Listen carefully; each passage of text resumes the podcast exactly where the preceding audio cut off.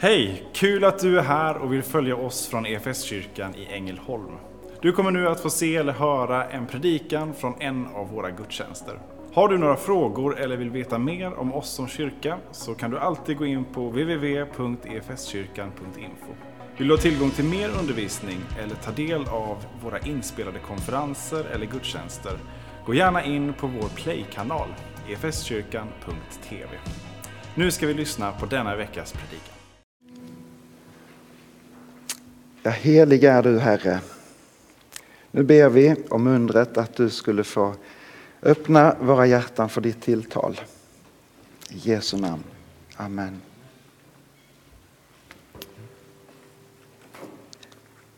Jag har funderat på det här om inte detta är en allmängiltig upplevelse från kanske ganska tidig ålder egentligen också.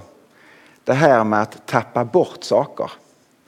Eh, har ni varit med om det, någon av er? Jag gissar, eh, om ni kan tänka tyst själv eller göra er till känna på något sätt, det behöver du inte göra i och för sig. Men, men har du någon gång förlagt någonting? Eh, tappat bort ett par bilnycklar eller husnycklar? Kanske plånboken är borta eller mobiltelefonen.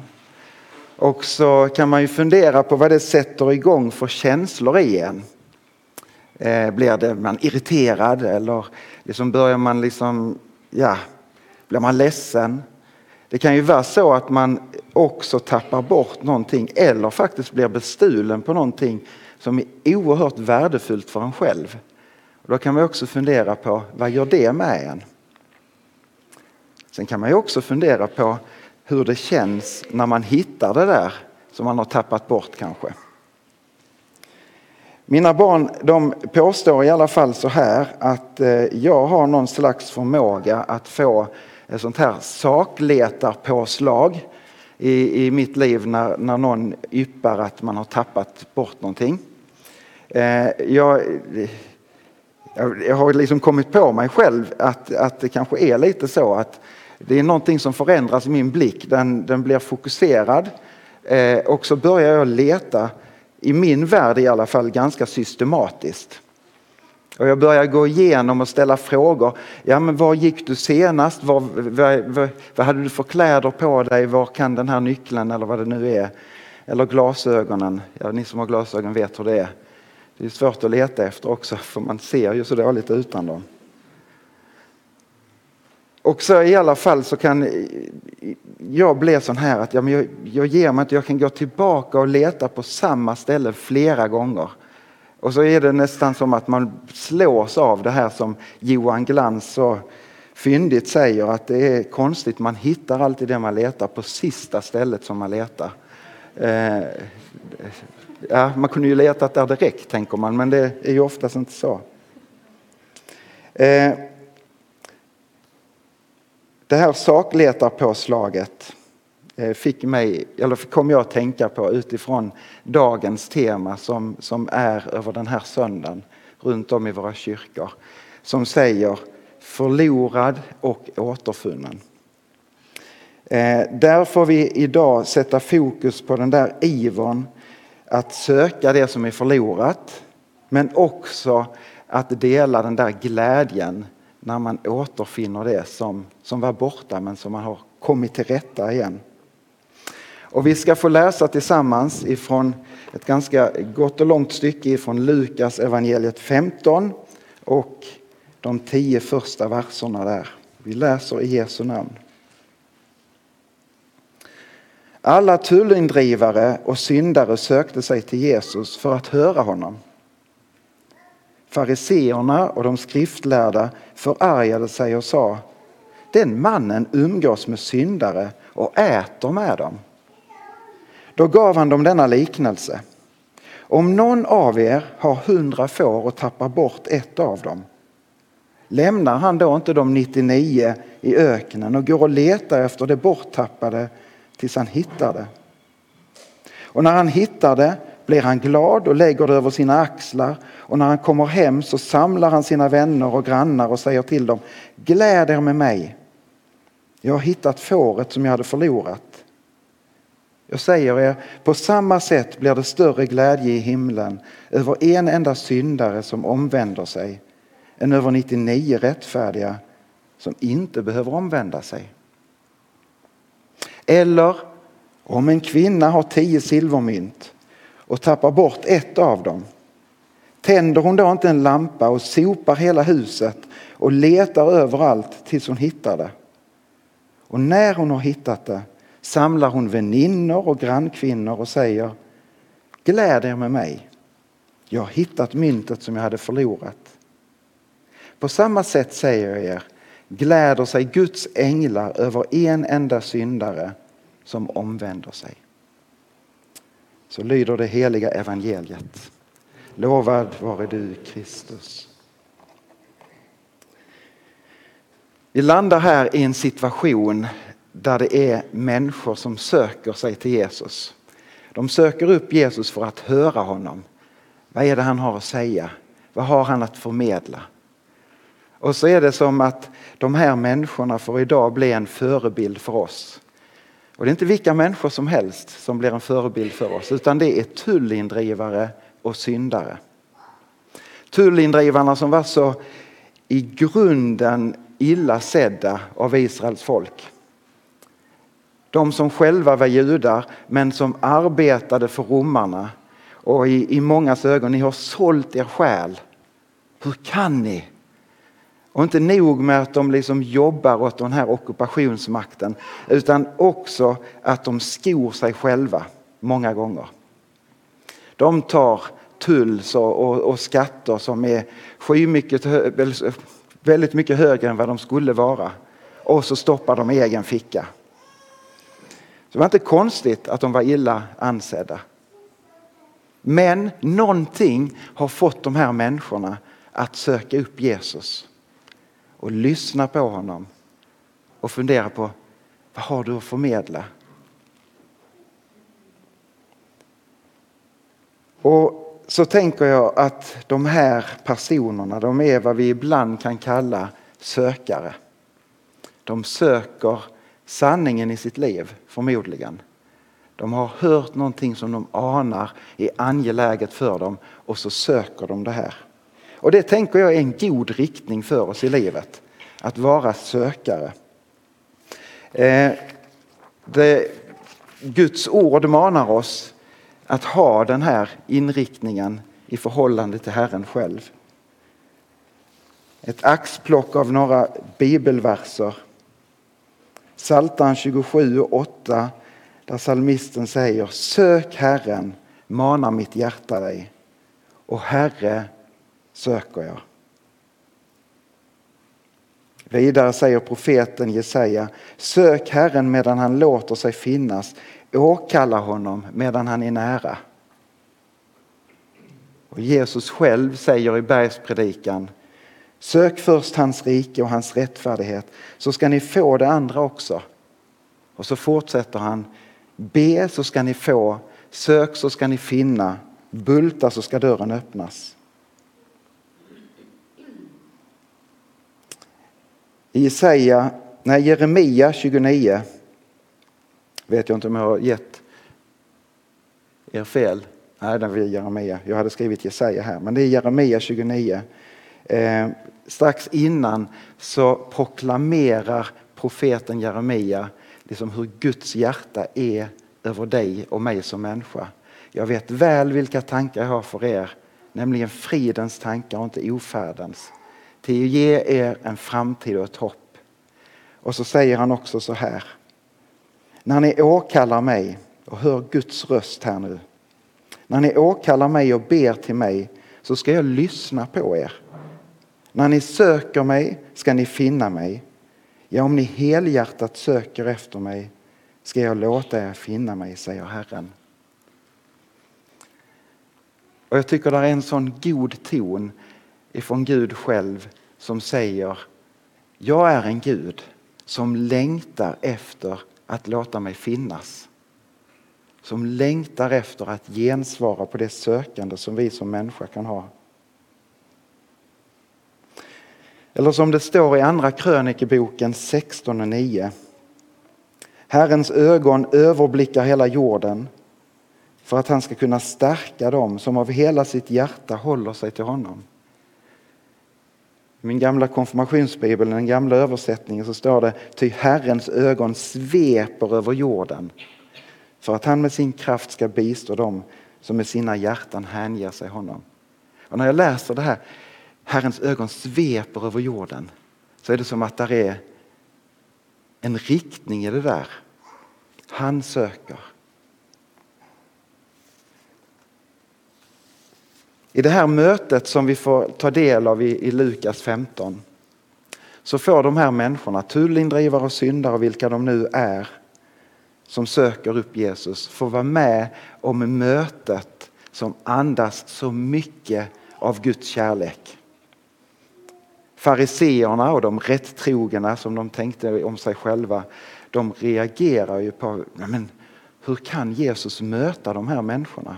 Han går till och med in och håller måltid med dem. En djup, djup en markering av samhörighet. Men Guds kärlek möter där behoven finns. Och i mötet så kommer de här starka reaktionerna från, från ledarskapet, från fariseerna. Och då ger Jesus de här två liknelserna. Egentligen ger han tre liknelser. Också liknelsen om den förlorade sonen. Men idag läste vi de två första här. Och det är som att Jesus vänder på perspektivet i de här liknelserna. Han säger visst, ni är sökare här, men det Jesus börjar tala om det är liksom det omvända förhållandet. Nämligen att det är Gud som söker. Han slår fast att, att herden som har sina får, fåren tillhör herden. Och så är liknelsen kanske inte så mycket fokus på det förlorade fåret utan på herden. Eller kvinnan som har tappat bort myntet. Det var kvinnans pengar. De här mynten tillhörde henne. Förmodligen ett fattigt hem. Så den där lilla pengen var oerhört värdefull och viktig. Och hon söker med en iver. Så det är kanske mer en liknelse om kvinnan som söker än liknelsen om det borttappade myntet. Men vi hamnar så lätt och tänker där utifrån vårt eget perspektiv. Och vi sätter så lätt också rubriker i Bibeln utifrån det. Den förlorade sonen, det förlorade myntet, det bortsprungna fåret.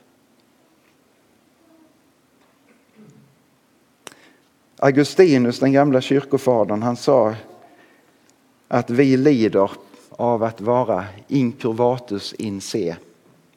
Jag behöver väl inte förklara vad det betyder. Eh, vi har alla erfarenhet av att vara incurvatus in se. Inkrökta i oss själva.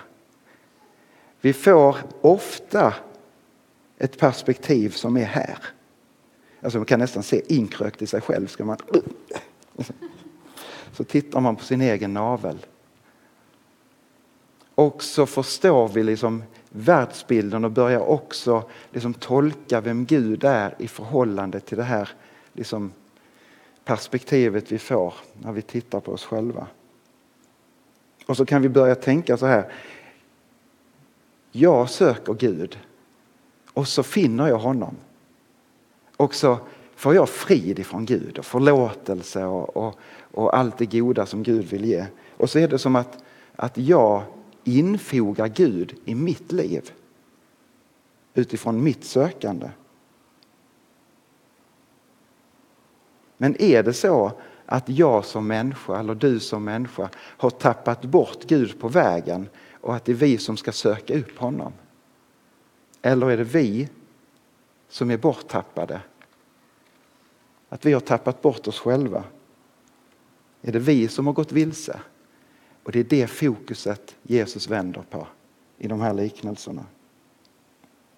Han ger ju inte liknelserna för att liksom peppa oss att bli, få det här sakletarpåslaget som jag ibland kan få. att vi ska söka borttappade nycklar med en iver och liksom sopa golvet och sådär. Det som är väldigt gott det är att vi faktiskt kan gå till Herren med det där bekymret av den där borttappade viktiga saken eller vad det nu kan vara. Och många kanske också har ett ett vittnesbörd om bönesvar i sådana situationer. Men djupast sett så ger ju Jesus de här liknelserna för att visa på att Gud är en Gud som söker det som tillhör honom. Fåret tillhörde herden. Myntet tillhörde kvinnan. Varje människa tillhör Gud. Du tillhör Gud. Du är alldeles oavsett om vi får lita på Bibelns ord. Ett Guds barn som han älskar av hela sitt hjärta. Och när vi går vilse eller känner oss borttappade i smått och stort så är det någonting av en iver hos Gud. Och kanske en sorg i hans hjärta över det som kanske upplevs förlorat. Men han söker och söker och söker och ger aldrig upp.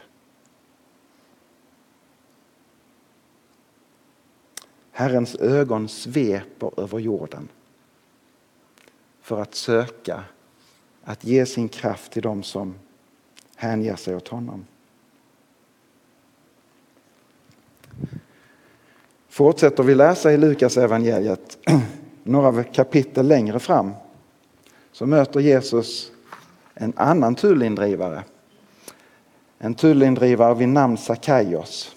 Jesus har tillsammans med sina lärjungar begett sig ner till Jeriko, kommer in i den här stan och ryktet har föregått Jesus så att där är ett intresse också hos den här tullindrivaren att söka upp Jesus. Men han är lite kort till växten står det. Så att han kan liksom inte tränga sig fram i folkmassorna. Men han känner gatorna, den här rika mannen som har blivit rik på ett ohederligt sätt, det är vi tydligt klara med. Han springer i förväg längs vägen och så klättrar han upp i en sykomor. Ett träd som, som där han kan liksom få perspektiv ut över vägen. Och märker ni Sakaios inriktning i livet, han söker. Men när Jesus kommer gående och närmar sig psykomoren så lyfter Jesus blicken och ser Sakaios. Märker ni Guds perspektiv? Jesus söker, Jesus ser. Och så börjar han mitt i det här folkvimlet tala till den där mannen uppe i trädet. Sakaios, skynda dig ner. För jag ska gå hem till dig och hålla måltid med dig. Och det sker en förvandling i den här tullindrivarens liv. Han, han väcks liksom till, ja men jag måste göra rätt för mig. Jag vill ge tillbaka det som jag faktiskt har stulit på något sätt. Inte bara liksom jämnt skägg utan fyra gånger mer ska han ge tillbaka. Och så säger Jesus till honom. Idag har räddningen nått detta hus. Han är också en son till Abraham. Och Människosonen har kommit för att söka efter det som var förlorat och rädda det. Hör ni Guds hjärtas slag? Gud är en sökande Gud. Eller som vi kan läsa i Uppenbarelseboken 3 och 20. Se, jag står vid dörren och bultar. Om någon hör min röst och öppnar dörren så ska jag gå in till honom och hålla måltid med honom eller henne. Och i den stunden vi öppnar våra hjärtan för honom, kanske för första gången. Jag säger Jesus, jag, jag vill bjuda in dig. Eller om vi gör det för tionde gången eller hundrade gången så är det en dörr som vi behöver liksom öppna upp gång på gång. Så är han där och vill möta. Han vill stiga in och hålla måltid med dig, alltså ha en intim, nära relation med dig.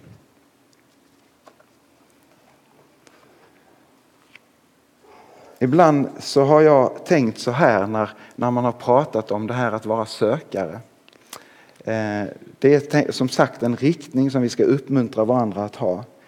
Men ibland så vill jag också lägga till detta, ja, men jag är inte bara en sökare utan i tron på Jesus så är jag också en finnare. Jag har funnit något. som är värt allt. Men när jag tar del av de här liknelserna så är det som att jag nästan måste säga absolut främst så är jag sökt och framförallt är jag funnen. Det är så mycket vilsamt i Guds nåd och barmhärtighet. Han söker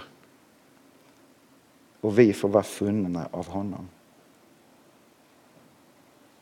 Vi älskar därför att han först älskade. Det börjar alltid med Guds kärlek. Vi söker för att vi är sökta av honom. Och Herren söker dig.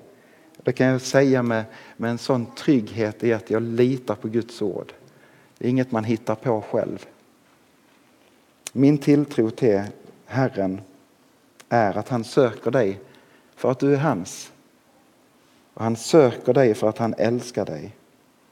Och han söker dig för att han vill ge av sin förlåtelse och sin upprättelse och ge oss ett helt liv tillsammans med honom. När vi nu ska få fira nattvarden tillsammans så är det en del av gudstjänsten, hela gudstjänsten och hela livet är ju naturligtvis detta att vi lever i den här relationen, vi rör oss i den, vi finns i den. På något sätt egentligen oavsett vad vi tror och tycker och tänker. Men i nattvarden så blir det så påtagligt tydligt för oss att vi får ta emot gåvorna i bröd och vin och där i ta emot Kristus själv. Hans kropp, hans blod, för dig utgjutet och utgiven. Och inför det mötet så får vi be vår gemensamma syndabekännelse och där ärligt bara få stå med våra liv. Och också i trygghet veta att Gud står kvar med en otrolig kärlek, med en otrolig vilja och innerlig vilja att möta dig med sin förlåtelse. Ska vi stå upp tillsammans och be och bekänna. Som kyrka är det en glädje att få spela en liten roll av allt Gud gör i och genom ditt liv. Vi vill gärna fortsätta följa dig på den resan. Och vill du ta reda på vad ditt nästa steg kan vara på din resa med Gud så gå in på efskyrkan.info nästa steg. Vår längtan är att få se människor och samhällen förvandlade av Jesus. Genom en kyrka som återspeglar Guds hjärta, bär varandra och betjänar människor varhelst vi befinner oss varje dag.